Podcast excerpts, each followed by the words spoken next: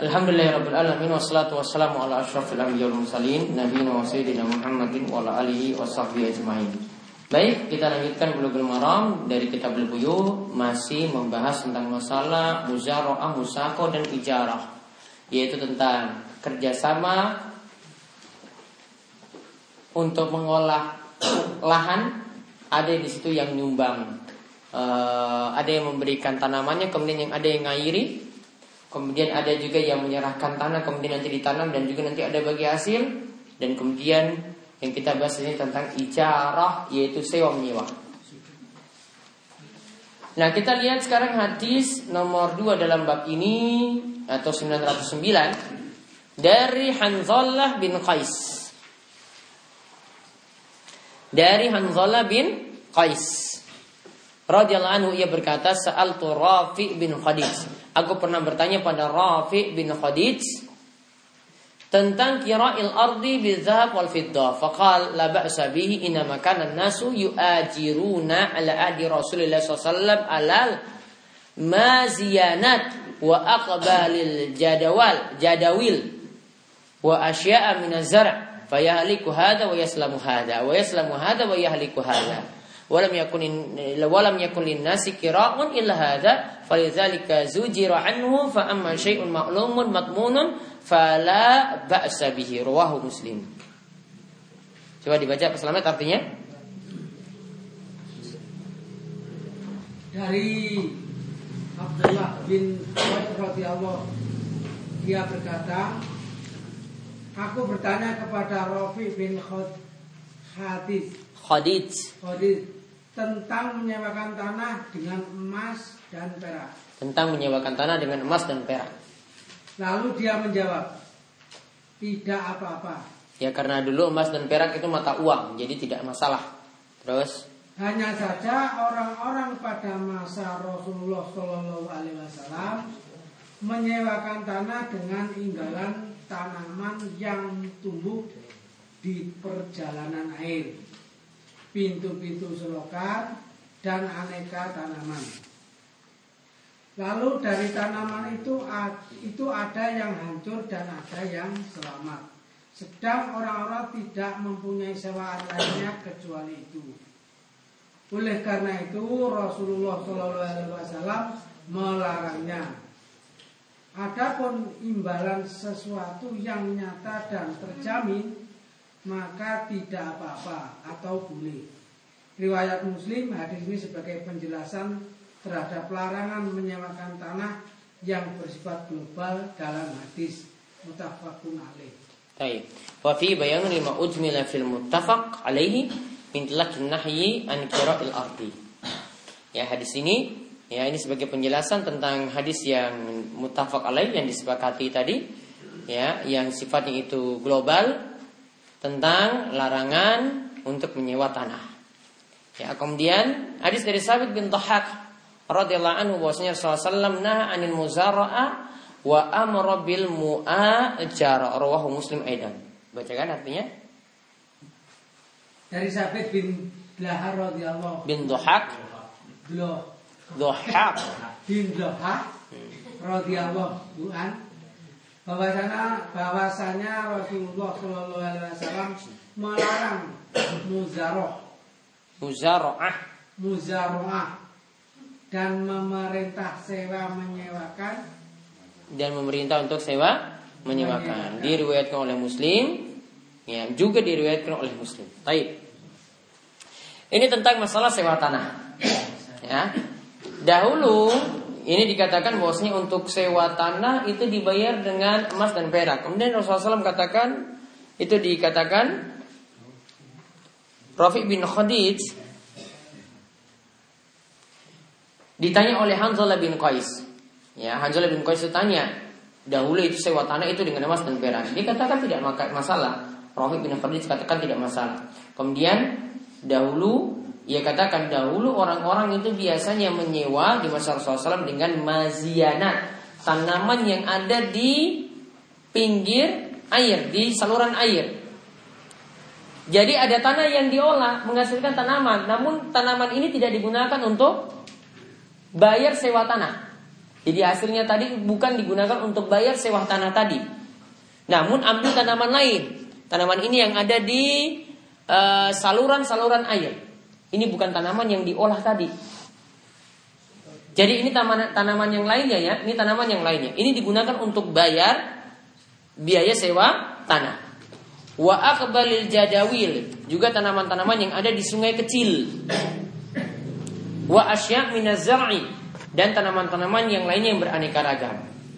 Maka di situ fayahliku hadza wa yaslamu hadza. Sayangnya tanaman yang digunakan untuk bayaran tadi itu ada yang rusak dan ada yang selamat. Ada yang selamat dan ada yang rusak. Dan bayarannya mereka cuma mau dengan tanaman tadi. Oleh karena itu Rasulullah SAW itu uh, tidak menyetujui hal ini. Beliau larang karena apa? bayarannya nggak jelas. Kadang bisa bayar, kadang tidak bisa bayar. Karena tanamannya tadi mati. Ya, lalu Nabi lalu di sini dikatakan fa'amma syai'un ma'lumun matmun fala ba'sa Sedangkan kalau ada bayaran yang jelas, jaminannya juga jelas, maka tidak mengapa menggunakan bayaran semacam itu. Berarti di sini menunjukkan apa? ya menunjukkan bayaran ya kita kalau mau sewa tanah bayarannya seperti apa. Nah kemudian hadis dari Sabit bin Dohab itu katakan bahwasanya Rasulullah SAW itu melarang dari muzaroah kerjasama muzaroah tadi ya dan memerintahkan untuk muajarah yaitu bayar saja pakai upah artinya tanahnya itu disewa tidak usah dengan muzaroah bagi hasil. Intinya di sini ada sini menunjukkan beberapa faedah yang pertama bolehnya menyewa tanah untuk ditanami.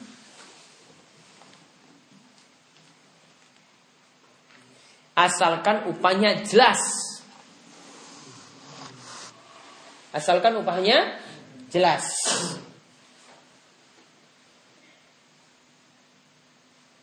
Jadi di sini boleh bayarannya dengan emas, boleh bayarannya itu dengan perak, boleh bayarannya itu dengan barang-barang yang lainnya. Yang penting syai'un maklum matmun. Yaitu dengan bayaran yang diketahui dan bisa dijamin.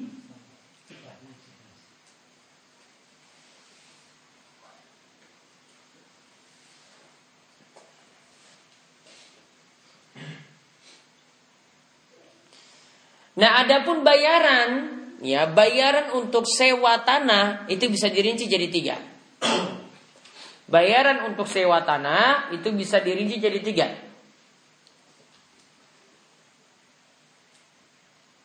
Ini terutama tanahnya ini ditanami ya, ditanami dan nanti punya hasil. Maka untuk tanah ini bayarannya itu bisa tiga. Yang pertama, bisa dibayar dengan makanan yang jelas,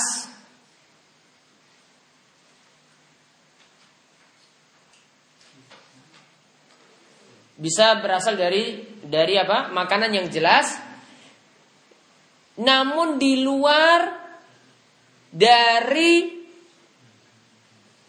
hasil tanah hasil tanah yang diolah. Namun di luar dari hasil tanah yang diolah.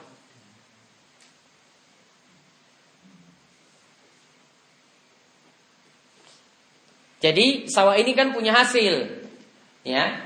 Namun untuk bayar sawah ini ya pakai tanaman lain. Maka kalau untuk kasus pertama ini dibolehkan menurut jumhur atau mayoritas ulama. Dibolehkan oleh jumhur atau mayoritas ulama.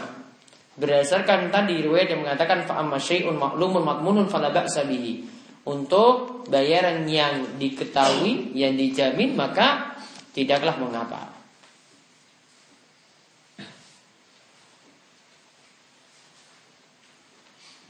Kemudian yang kedua,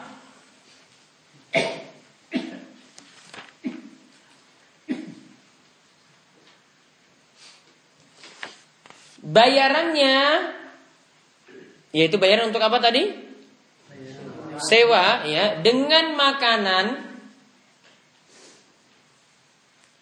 yang sama dengan hasil yang sama ya, bukan dari dari situ sawah itu, yang sama dengan hasil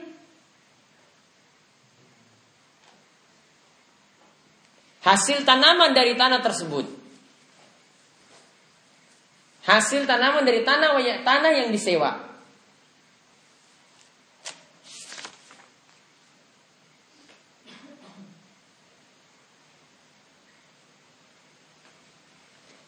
Maka untuk yang kedua di sini juga masih boleh menurut di antaranya di sini menurut mazhab Syafi'i. Kembali ke hadis tadi. Karena dikatakan yang penting jelas. Kemudian yang ketiga sekarang sewa tanah dibayar dari hasil panen dari tanah tersebut. Ya, hasil panen dari tanah tersebut. Contohnya misalnya ya, sawahnya itu ditanam padi. Kemudian janji nanti sewanya gimana? Ah nanti kalau besok kalau sudah panen saya bayar dengan padi ini ya misalnya ya seperempatnya lah saya kasih. Seperti ini tidak boleh. Untuk yang ketiga ini tidak boleh. Kenapa? Karena bayarannya tidak jelas. Ya, tidak jelasnya kenapa? Ya kalau panen ya dikasih, kalau tidak panen gimana? Ya, untung-untungan. Ada goror di situ. Ya, ada goror di di situ. Itu untuk apa? Sewa menyewa. Untuk yang ketiga tidak dibolehkan.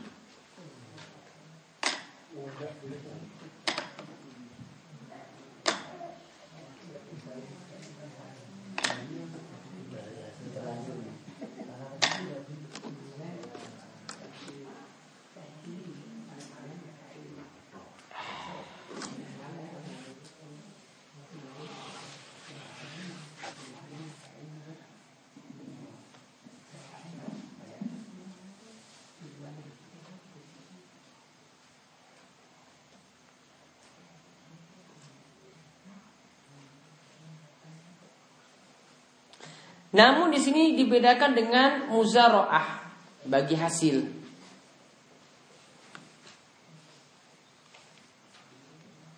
Ya, dibedakan dengan muzaroah atau bagi bagi hasil.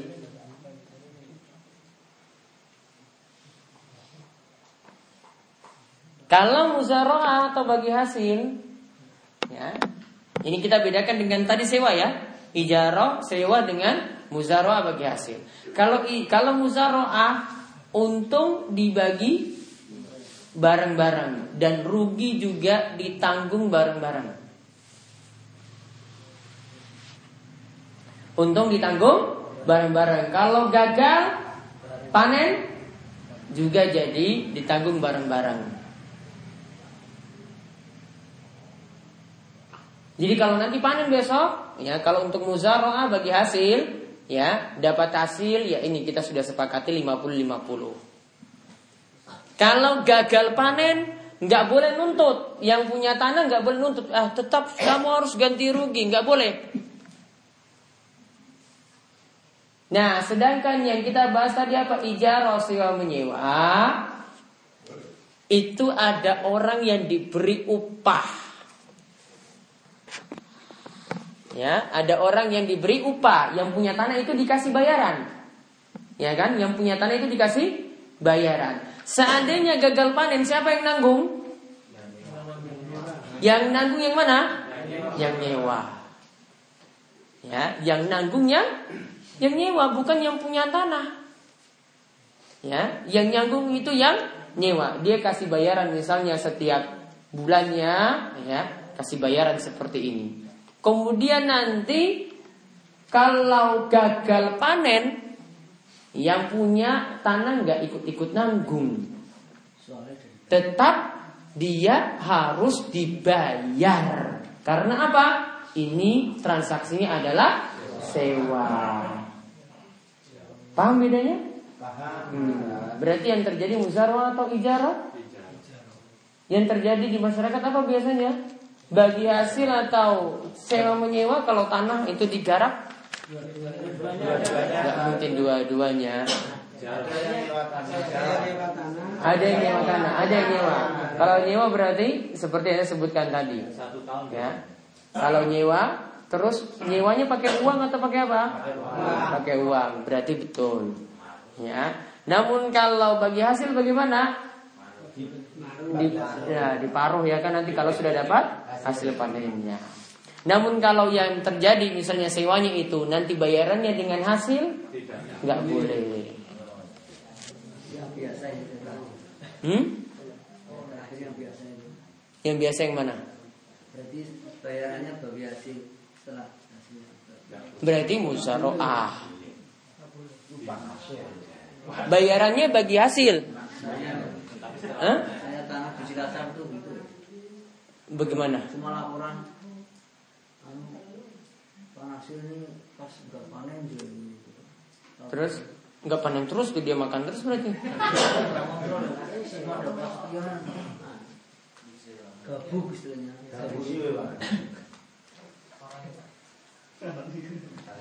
Hmm. Nah kemudian satu lagi hadis kita bahas tentang masalah upah bagi tukang bekam. Dari Ibnu Abbas radhiyallahu anhuma annahu qal bahwasanya ia berkata ihtajama Rasulullah SAW Rasulullah SAW itu dibekam wa a'talladzi hajamahu ajrahu dan beliau memberikan kepada orang yang membekamnya upahnya walau kana haraman lam yutihi seandainya upah untuk tukang bekam itu haram Nabi tidak akan memberinya. Namun ketika itu Nabi SAW berikan. Ini dikatakan oleh Ibnu Abbas. Hadis ini diriwayatkan oleh Imam Bukhari. Kemudian ada hadis dari Rafi bin Khadij radhiyallahu anhu. Ia berkata bahwasanya Rasulullah SAW itu bersabda kasbul hajjam qabisun upah dari tukang uh, kasbul hajjam pekerjaan tukang bekam itu khobis kotor ya atau jelek rodi jelek ya rawahu muslim di sini diriwayatkan oleh Imam Muslim Dua di sini bertentangan.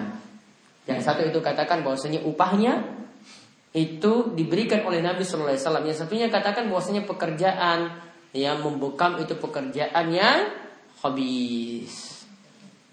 Komprominya bagaimana? Kita katakan yang pertama ya boleh memberikan upah untuk tukang bekam sebagaimana yang dilakukan oleh Rasulullah Shallallahu Alaihi Wasallam.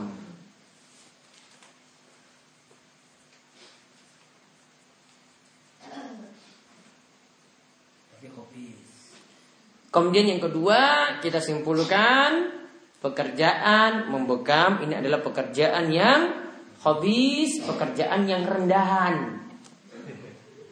Bukan pekerjaan yang haram. Ya, bukan pekerjaan yang haram. Sama seperti kita katakan kalau makan bawang itu tidak boleh datang untuk sholat berjamaah di masjid sampai mulutnya itu dibersihkan. Bukan berarti makan bawang itu jadi haram. Ya, bukan berarti makan bawang jadi haram. Namun sebaiknya ketika mau pergi ke masjid, bau mulut dari orang yang makan bawang tadi itu dihilangkan. Berarti ya, upahnya tadi adalah upah yang halal, yang dia perlu itu upaya yang halal namun pekerjaannya itu adalah pekerjaan yang hobis pekerjaan yang kita katakan atau bagusnya diterjemahkan itu pekerjaan rendahan ya itu pekerjaan rendahan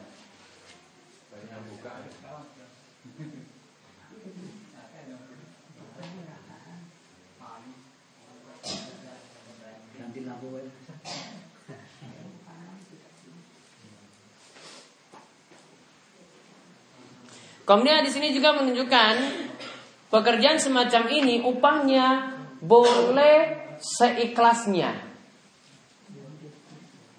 Ya, karena di sini Nabi SAW ini mempekerjakan dia kemudian memberikan upah tanpa disebutkan upahnya itu berapa. Karena dikatakan dalam hadis ya dia diberikan upahnya dan tidak disebutkan upahnya itu berapa. Berarti sama seperti anggapan kita ya kalau mau beri ya sudah seikhlasnya saja.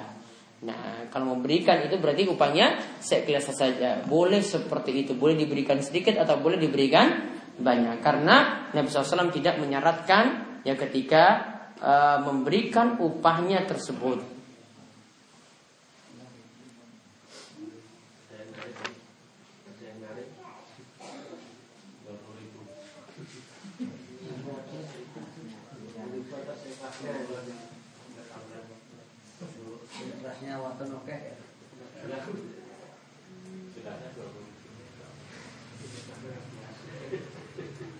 Jadi intinya pekerjaan tersebut pekerjaan yang rendahan saja ya namun kalau menerima upah ya atau kita memberikan upah itu adalah upah yang halal untuk dimakan. Nah itu saja yang kita bahas untuk kesempatan kali ini mudah-mudahan bermanfaat. Ada pertanyaan? Tentang hasil orang yang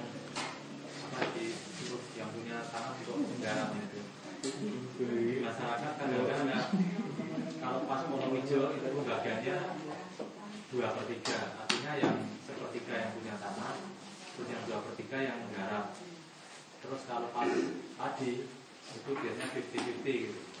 Nah, itu kalau yang padi sudah tidak bermasalah tapi yang kolom hijaunya itu yang masih agak mengganjal apakah sesuai kesepakatan tidak dibatasi oleh Islam mana yang mengenakan, mana yang membuat saling ridho, sah-sah saja. Kebiasaan masyarakat bisa jadi patokan. Ya, biasaan gitu. Ya. Ada lagi? Tapi bedanya dengan yang yang yang ketiga tadi yang nggak boleh itu apa ya tadi? Kan ada yang satu di musyawarah Betul. Yang kalau panen sewa tanah dibayar dari hasil tanah tersebut. Nah, yang pertama tadi sewa tanah dibayar dengan tanaman lain. Bukan dari hasil. Bukan dari hasil. Yang kedua, sewa tanah dibayar dengan tanaman yang sejenis. Padi dibayar dengan padi, namun bukan padi dari hasil itu. Tempat lain. Yang ketiga, ya sewa tanah dibayar dengan hasil panennya. Hasil panennya dari tanah itu sendiri. Itu yang tidak dibolehkan untuk sewa menyewa. Ya? Iya. Bukan bagi hasil. Enggak, ini tergantung AKT ya. Yang kita bahas tadi tentang ijarah sewa menyewa. Ada lagi?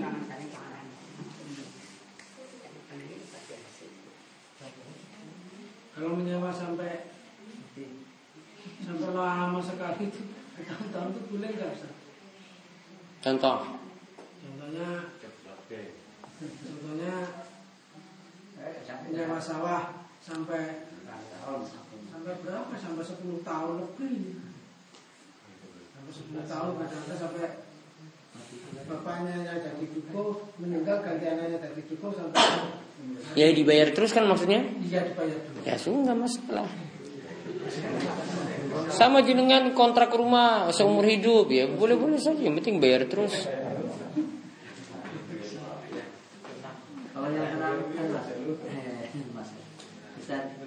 Yang pertama tadi mas saya yang ke 82 81 83 itu. Yang napak kilas. Jadi kesimpulannya itu ada napak kilas yang dibolehkan. Kalau ada dalil. Ya, ada yang diharamkan. Iya. Ya. yang Rasulullah itu pernah membawa unta muter dulu dia kali kemudian sahabat Anas bin Malik kalau di situ muter juga begitu muter itu nias yang dibolehkan apa yang tidak? Ada lagi? Rasulullah pernah bawa onta di ikat putar dulu. Putar-putar pokoknya intinya ada sebagian sahabat memang melakukan seperti itu yeah. namun hal ini belum tentu disetujui oleh sahabat yang lain. Ya. Jadi ada yang sengaja misalnya Nabi SAW mampir di masjid itu mereka juga mampir di situ. Ya Sebagian sahabat melakukannya, namun ini tidak di, tidak dilakukan oleh sahabat yang lain. Enggak kita katakan bahwasanya itu istiadat dia dan ini bukan jadi suatu syariat. Atau yang lebih banyak lagi apabila itu ketika masih gaji. Kalau itu jelas ada dalilnya. Nah ya makanya itu. Tapi yang di Ismail itu tadi yang di Makmum Ibrahim, surat belakangnya ya yang Habis Ismail juga di belakangnya ada juga itu ada nggak jadinya yang Ismail, yang makam Ismail di belakang? Masih boleh sholat di situ banyak. Masih sholat, masih boleh. Kalau dalil khusus Nabi lakukan kalau saya belum tahu. Ini belum tentu nggak ada, ada mungkin. Tapi saya belum tahu dalil spesifik. Tapi boleh. Karena, boleh. karena penuhnya ya? mungkin. Ya. Ada lagi? Kalau di mobil itu kan ada eh, masjid di seputaran makam, boleh nggak kita sholat di dalam masjid? Masjidnya di halaman masjid ada kuburan nggak? Nggak di lingkungan di lingkungan makam. Boleh. Kalau nggak ada di dalam masjid nggak ada kuburan nggak masalah. Tapi nggak ada pembatasan Ya jelas kalau tidak ada pembatas berarti pakai teras masjid. Karena ada yang tidak dikasih pagar. Ya patokannya teras masjid aja. Seperti sini kan nggak ada pagar nih. Masjidnya yang mana? Masjidnya ya yang masuk bangunan ini aja. Kadang masjidnya itu sampingnya. Samping samping kiri itu masih boleh. Dekatnya sana. Satu halaman nggak dengan masjid, eh, dengan kuburan. Kalau di makam raja-raja itu di tengah anu, di tengah makam. Jadi masjid di tengah makam. Kayak di makam seniman itu kan masjidnya ada di tengah Dari lingkungan, di lingkungan.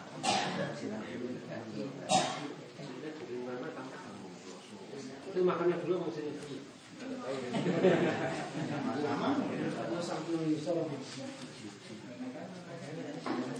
Kalau jelas terpisah nggak masalah.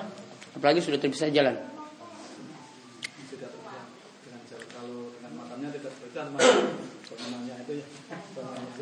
Iya bangunannya tengah-tengah bersih sekeliling ini kuburan. Baiknya enggak. Ada lagi? Kita ada kita ada waktu nggak nanti kalau malam tak sakit itu sekali-kali adaptasi apa mensurvei itu di makam itu malah bawa kloser dari bawa ikan. Tapi selasa kliwon perlu jumat kliwon malah nggak nggak ada tempat bawa ikan Quran ada Quran di situ itu kebanyakan haji haji katanya itu anu lebih Ya orang musyrik juga dulu haji haji juga lebih, lebih haji daripada haji sekarang. Kalau sekarang hajinya nggak benar mereka sana itu hajinya benar-benar haji memang. terus Tapi mereka nggak pamer pamer haji, namun muslim. maksudnya gini yang di sana tirakat atau bersemedi atau meditasi itu ada satu atau dua yang berhasil itu diberitakan. Tapi sebenarnya yang gagal banyak sekali. Tapi nggak diberitakan itu orangnya enggak. Hmm. jadi kenapa ya? Tapi kalau ustad salah sedikit diberitakan banyak baiknya nggak pernah diberitakan bedanya sih. Itu juga banyak kalau seorang dai apa waktu salah. Baru sekali aja sampai mana-mana tapi kalau di situ bersiaran gagal gagalnya banyak sekali nggak pernah ada kadang-kadang kadang yang berhasil sekali dari orang datang itu termasuk masa hilang Mungkin nanti kita ketemukan. ada nih Insya Allah. saya nggak sabar ya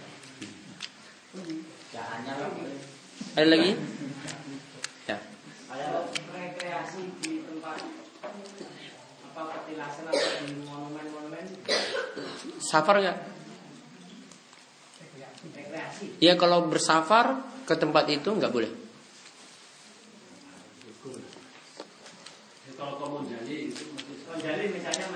Nah, yang tanya safar atau bukan? Kalau safar tujuannya tempat enggak. Namun yang dimasukkan safar tujuan tempatnya kalau tempatnya tempat ibadah. Kalau cuma kunjungi monumen-monumen kayak gitu mau jali enggak masalah. pelanggannya gitu Candi-candi enggak. Tempat ibadah orang ini kok ngapain pergi ke sana? Lihat berhala-berhala coba. Hmm. Ngapain sekedar tahu juga? Nggak menambah iman juga.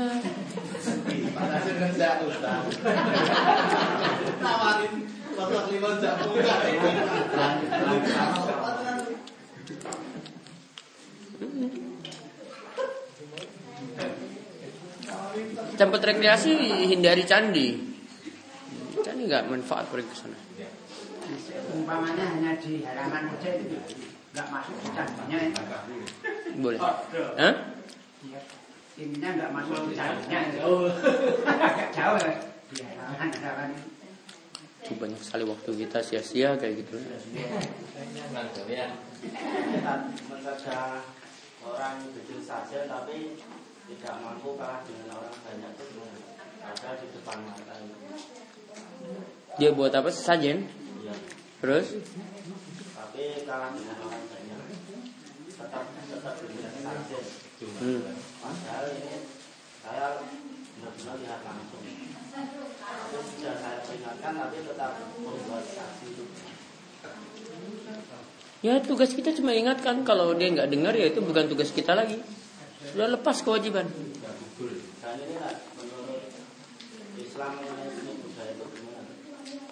menurut Islam apa? Seninya. Kalau seni ada musik-musik ya terlarang. Ya. Kemudian gambar-gambar makhluk bernyawa yang ada nyawanya juga terlarang. Terus kalau budaya nggak semua budaya. Ya terutama nanti kita lihat nanti bahasannya budaya-budaya yang syirik ya nggak boleh. Jangan mengatasnamakan budaya untuk ya nanti di sini tujuannya beliau bahas.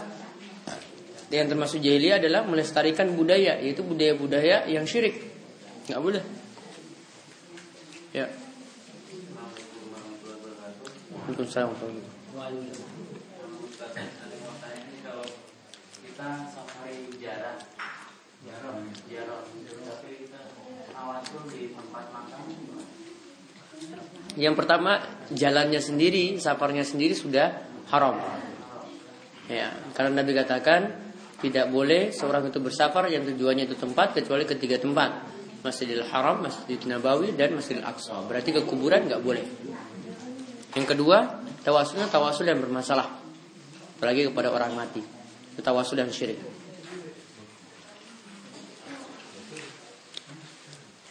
Ada lagi? Ustaz, titipanin dari teman saya. Jadi tadi judulnya kan semua ibadah hanya untuk melakukan Allah Taala. Misalnya tadi yang sembelihan, sembelihan termasuk ibadah, tapi dikaitkan dengan untuk melakukan simbah yang sudah meninggal. Itu cuma bid'ah saja, nggak sampai syirik. Terus yang kedua, Fatihah juga ibadah. Tapi ketika membaca Fatihah itu diberi ajakan bahwa ini Ustaz, eh, wali ridho billah kan demi ridho Allah ya. Wali safa wali safaati Rasulillah al-Fatihah. Yang kedua itu kan wali safaat safaat itu berarti kan apa berarti itu beribadah krono sahabat Rasul gitu maksudnya bagaimana? Yang pertama wali ridho ilah itu memang tauhid ya karena demi keriduan Allah mari kita Fatihah. Cuma yang kedua itu saya tidak tahu tadi. Bisa maknanya dia berharap syafaat Rasul. Ini tidak syirik. Namun bisa juga maknanya dia minta syafaat dari Rasul. Ini baru syirik. Itu yang terakhir yang benar sahabat Rasul. Ya, tergantung niat. Nah depannya sudah ada komentar Komentar gini pun Kita mulai Bahwa sarang-sarang kita mudah doa atau salam Bahkan Jumatan Junjunan Rasul Muhammad SAW Kita kita sungguh-sungguh sakti pun. Nah, itu belum. Nah, itu belum. belum. Masih masih bisa Masih bisa. Ada tuntutannya Boleh kita berharap dapat syafaat Rasul boleh. Tapi tidak minta syafaatnya dari Rasul. Ya, Al-Fatihahnya yang masalah tadi. Jadi saya salah. Saya maksudnya dia itu baca fatihah di samping menuju ridho Allah juga Mendapatkan syafaat Rasul. Dia nggak minta dari Rasul itu.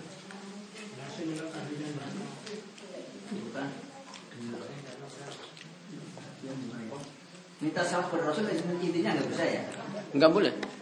Tetap semuanya kepada Allah. Iya. Walaupun Rasul nanti beri syafaat. Dan itu maknanya apa tuh? Wali syafaati Rasulillah lahum al-fatihah itu. Maksudnya kita mengharap syafaat dari Rasul. Tapi Ya, tergantung niat jadi maksudnya kalimat itu apa karena masih rancu kalimatnya. Kalau menurut pandangan saya enggak begitu. Jadi di samping saya berdoa al-fatihah ini untuk juga untuk Rasul. Agar saya bisa Jadi mintanya sama Rasul. ya tujuh kali benar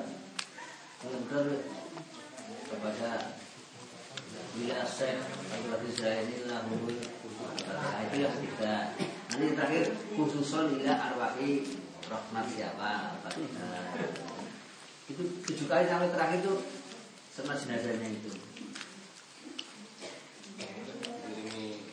Lah kemarin waktu tasya di mana? Kalau tasya di SMS itu kan ada tasya jam 6 pagi itu. Itu Bapak Roisnya mimpin gitu kan? Yang mana? Mimpin itu tadi loh. Pertama Bila hadirat Nabi Mustafa saya bilang lahumul al-fatihah. Itu di mana itu? Wali saya Abdul Enggak. lahumul al-fatihah. Usul ila arwahi sebutkan namanya al-fatihah. Sampai tujuh kali saya lupa. Nah itu maknanya sirik atau bukan itu? Maknanya aja. Nah saya juga orang Jawa ya di situ. Enggak, maknanya tadi saya bilang. Enggak jelas bahasa Arabnya. Maksudnya Pak, yuk.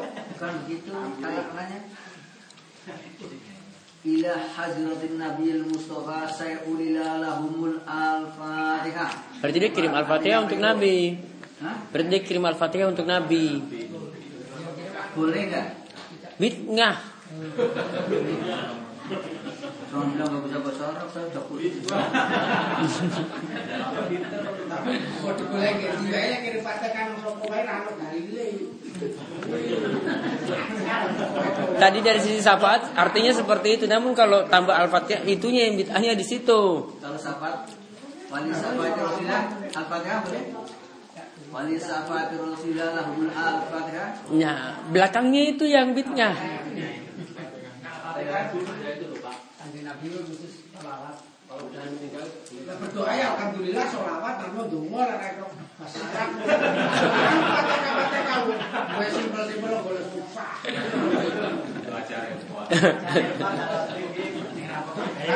Terus selain selain pada waktu sholat dan meruqyah itu Al-Fatihah itu dibaca pada saat apa? Kalau saya sebentar nanti nggak ya. Selain pada waktu sholat dan pada waktu meruqyah itu selain itu dibaca pada waktu apa saja?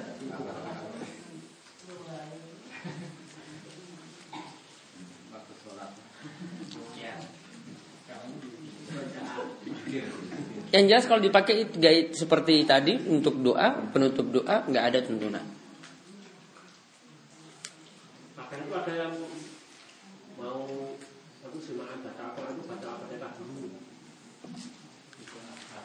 Nah itu masih lebih ringan daripada tadi.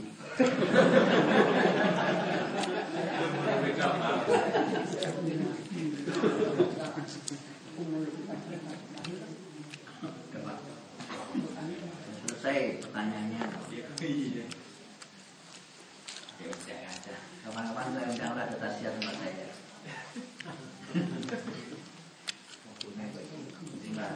Bukan, kamu lihat. Itu juga ya, bacaan Jumat.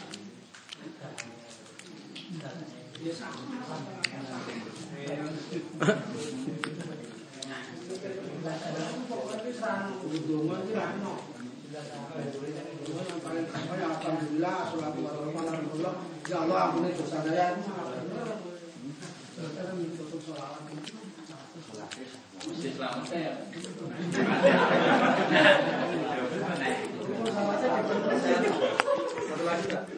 Ya. Kalau di kampung itu kan ada OSM yang sering mendoakan acara saji yang hajat itu. dia juga menjadi maling di situ sehingga kita bermakmum di belakang. Dia selalu mimpin doa untuk acara saja apa? Ke- Ketika punya hajatan itu kan orang-orang kampung itu punya sesaji di tempat-tempat yang. Yang ngapain di situ mereka? Ya, sesaji Pak. biasanya kalau punya hajat tertentu itu ada hajatan pernikahan misalnya itu Masih ada di zaman modern kayak gini. Itu ada yang bikin, yang jadi pimpinannya itu pemimpin yang sering mendoakan acara tersebut itu jadi imam itu boleh nggak? Nggak boleh. Nggak boleh. Namanya Pak Koyib itu Pak.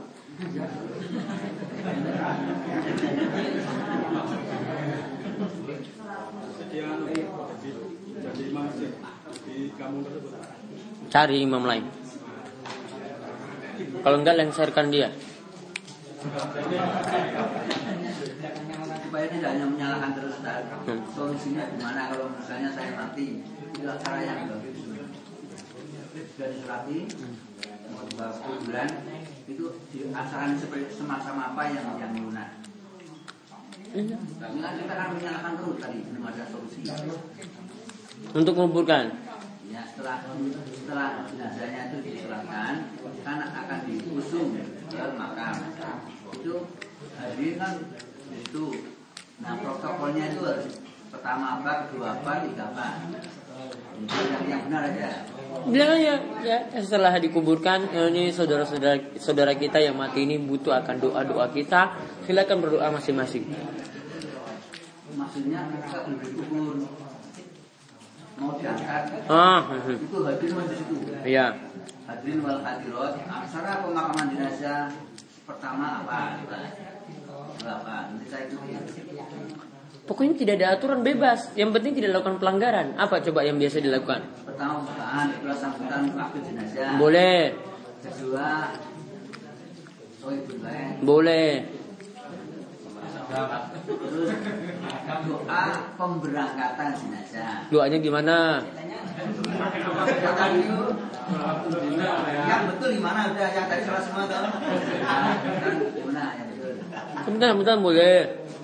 Setelah itu, setelah mau berangkat, su- sudah mau berangkat, bilang sama jemaah, ini saudara kita yang akan diberangkatkan ini butuh akan doa-doa kita.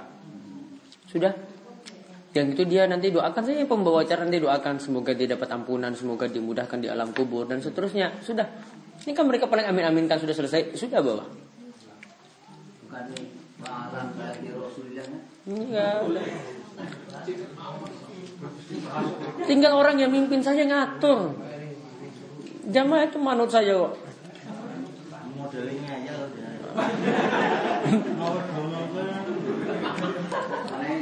itu ya ya.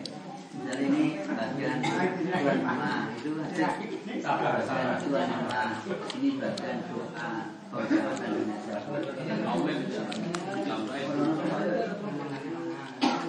Jadi apa ya? Namanya apa itu ya? Disuruh mendoakan semua. Ayo omongan biasa. Hadirin, ini jenazah akan dimakamkan. Mari kita doakan agar jenazah itu mendapatkan nikmat kubur dan dosanya dan termasuk husnul khotimah. Saya terus YouTube wassalamualaikum gitu. Hah? Kalau nggak mau nyata rumah gimana? Yang gak usah pimpin aja gak main. Oh. Mampu makai itu mau menahannya loh itu. Ini loh dari hadirin sekalian pemberangkatan jenazah akan kita laksanakan. Kemudian kepada Bapak Pas Menasir untuk memimpin doa pemberangkatan jenazah. Ya saya ngomong apa? Ya sudah. Ya tuan rumah nggak terima lah ngomong gitu gituan. Misalnya, mari jenazah kita doakan mudah-mudahan husnul khotimah diterima amalnya, diterima hadirin sekalian, amin. Itu. pakai bahasa Arab kalau nggak pakai bahasa Arab nggak Pakai bahasa Indonesia saja. Ya.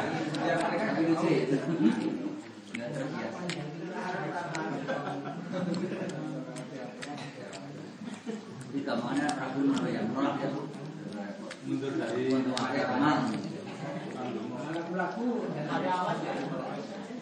ya Demikian subhanakallahumma bihamdika asyhadu an la ilaha illa anta astaghfiruka wa atubu ilaik.